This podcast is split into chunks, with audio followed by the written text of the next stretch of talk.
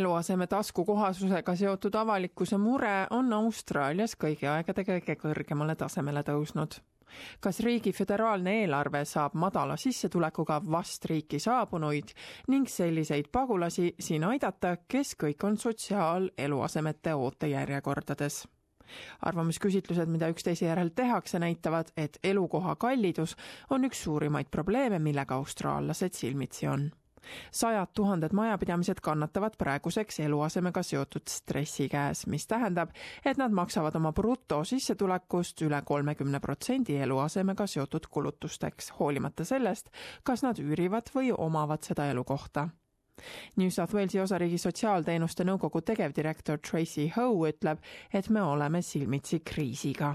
From those people who really are vulnerable disadvantaged on the margins, living, uh, you know, with disability and mental health, all of that, right through to your low and middle income earners. This housing pressure is impacting such a huge proportion of our community at this point. So it takes a significant effort to create some real change. It's almost like we need uh, a sort of shock approach. Doktor Louis Crabtree on Lääne-Sydney ülikooli kultuuri ja ühiskonna instituudi vanemteadur. ta uurib, kuidas me saaksime neid eluaseme võimalusi, mis meil praegu on, mitmekesistada.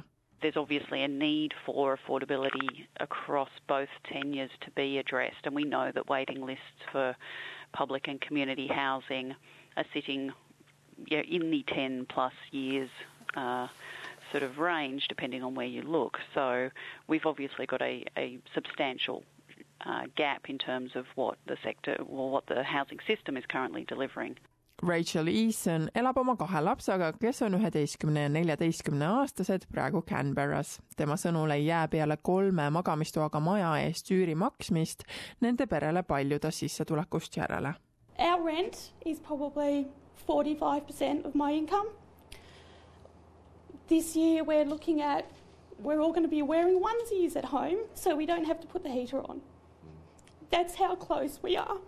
sissetulekust kuluv üürile minev nelikümmend viis protsenti on palju rohkem, kui eluasemeeksperdid peavad taskukohaseks, kuid rahvusvahelise asustamise teenuse sotsiaalmajutuse sektori juhtivdirektor Patrick Jung ütleb, et selline on paljude inimeste elu üle kogu Austraalia not many people that can afford affordable housing. That means that they pay more than 30% of their household income to pay for their rent or mortgage. So actually that they experience a crisis of affordable housing. selle probleemi raskust kirjeldab kaheksas Anglicari poolt korraldatud üürimise taskukohasusele keskenduv uuring, mis vaatles aprillikuu alguses üle kuuekümne seitsme tuhande kinnisvara. selle heategevusorganisatsiooni tegevjuht Casey Chambers väljendab siin oma sügavat muret What we found was dire. If you're on a low income, if you're on a government benefit, if you're on minimum wage in Australia, you will find it very hard to find an affordable dwelling in the private rental market. Osariigi ja föderaalvalitsused lubavad eluasemeid taskukohasemaks muuta, kuid föderaalne laekur Scott Morrison hoiatab, et lühiajaliseks probleemi lahendamiseks pole olemas mingit võlukepikest.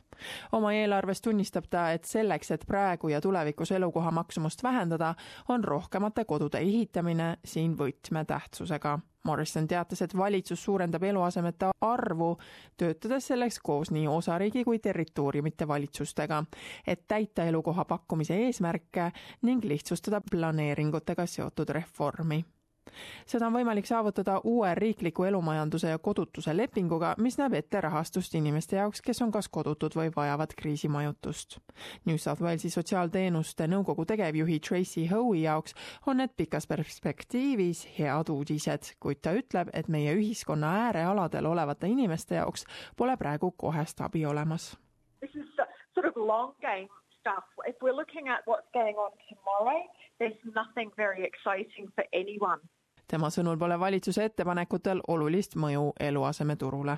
It needs to be a huge investment from the government and we're talking billions of dollars needs to be invested into the housing market in order to free up the housing for everyone so that everyone has a choice. Samal ajal plaanib valitsus luua ühe miljardi dollari suurust riiklikku eluaseme infrastruktuuri vahendit, ehitades uusi maju ja kortereid selleks välja valitud kohtadesse. Ned Kutcher, kes töötab Üürnike Liidu jaoks, ütleb, et see on kinnisvaraarendajate ning kinnisvaraomanike jaoks hea uudis, kuid mitte nende inimeste jaoks, kes praegu kohe taskukohast eluaset vajavad. There's certainly some things for landlords in the budget, particularly for social housing landlords, and that's going to have a bit of a flow on effect for tenants.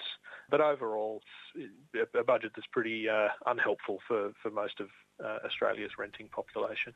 Ning lisaks muudetakse Austraalia ühenduse ülejäänud maa elamuehituse jaoks kättesaadavaks, mis omakorda on kättesaadav Austraalia väikeste kogukondade elamusektorile nõnda, et need odavamaid hindu pakkuda saaksid.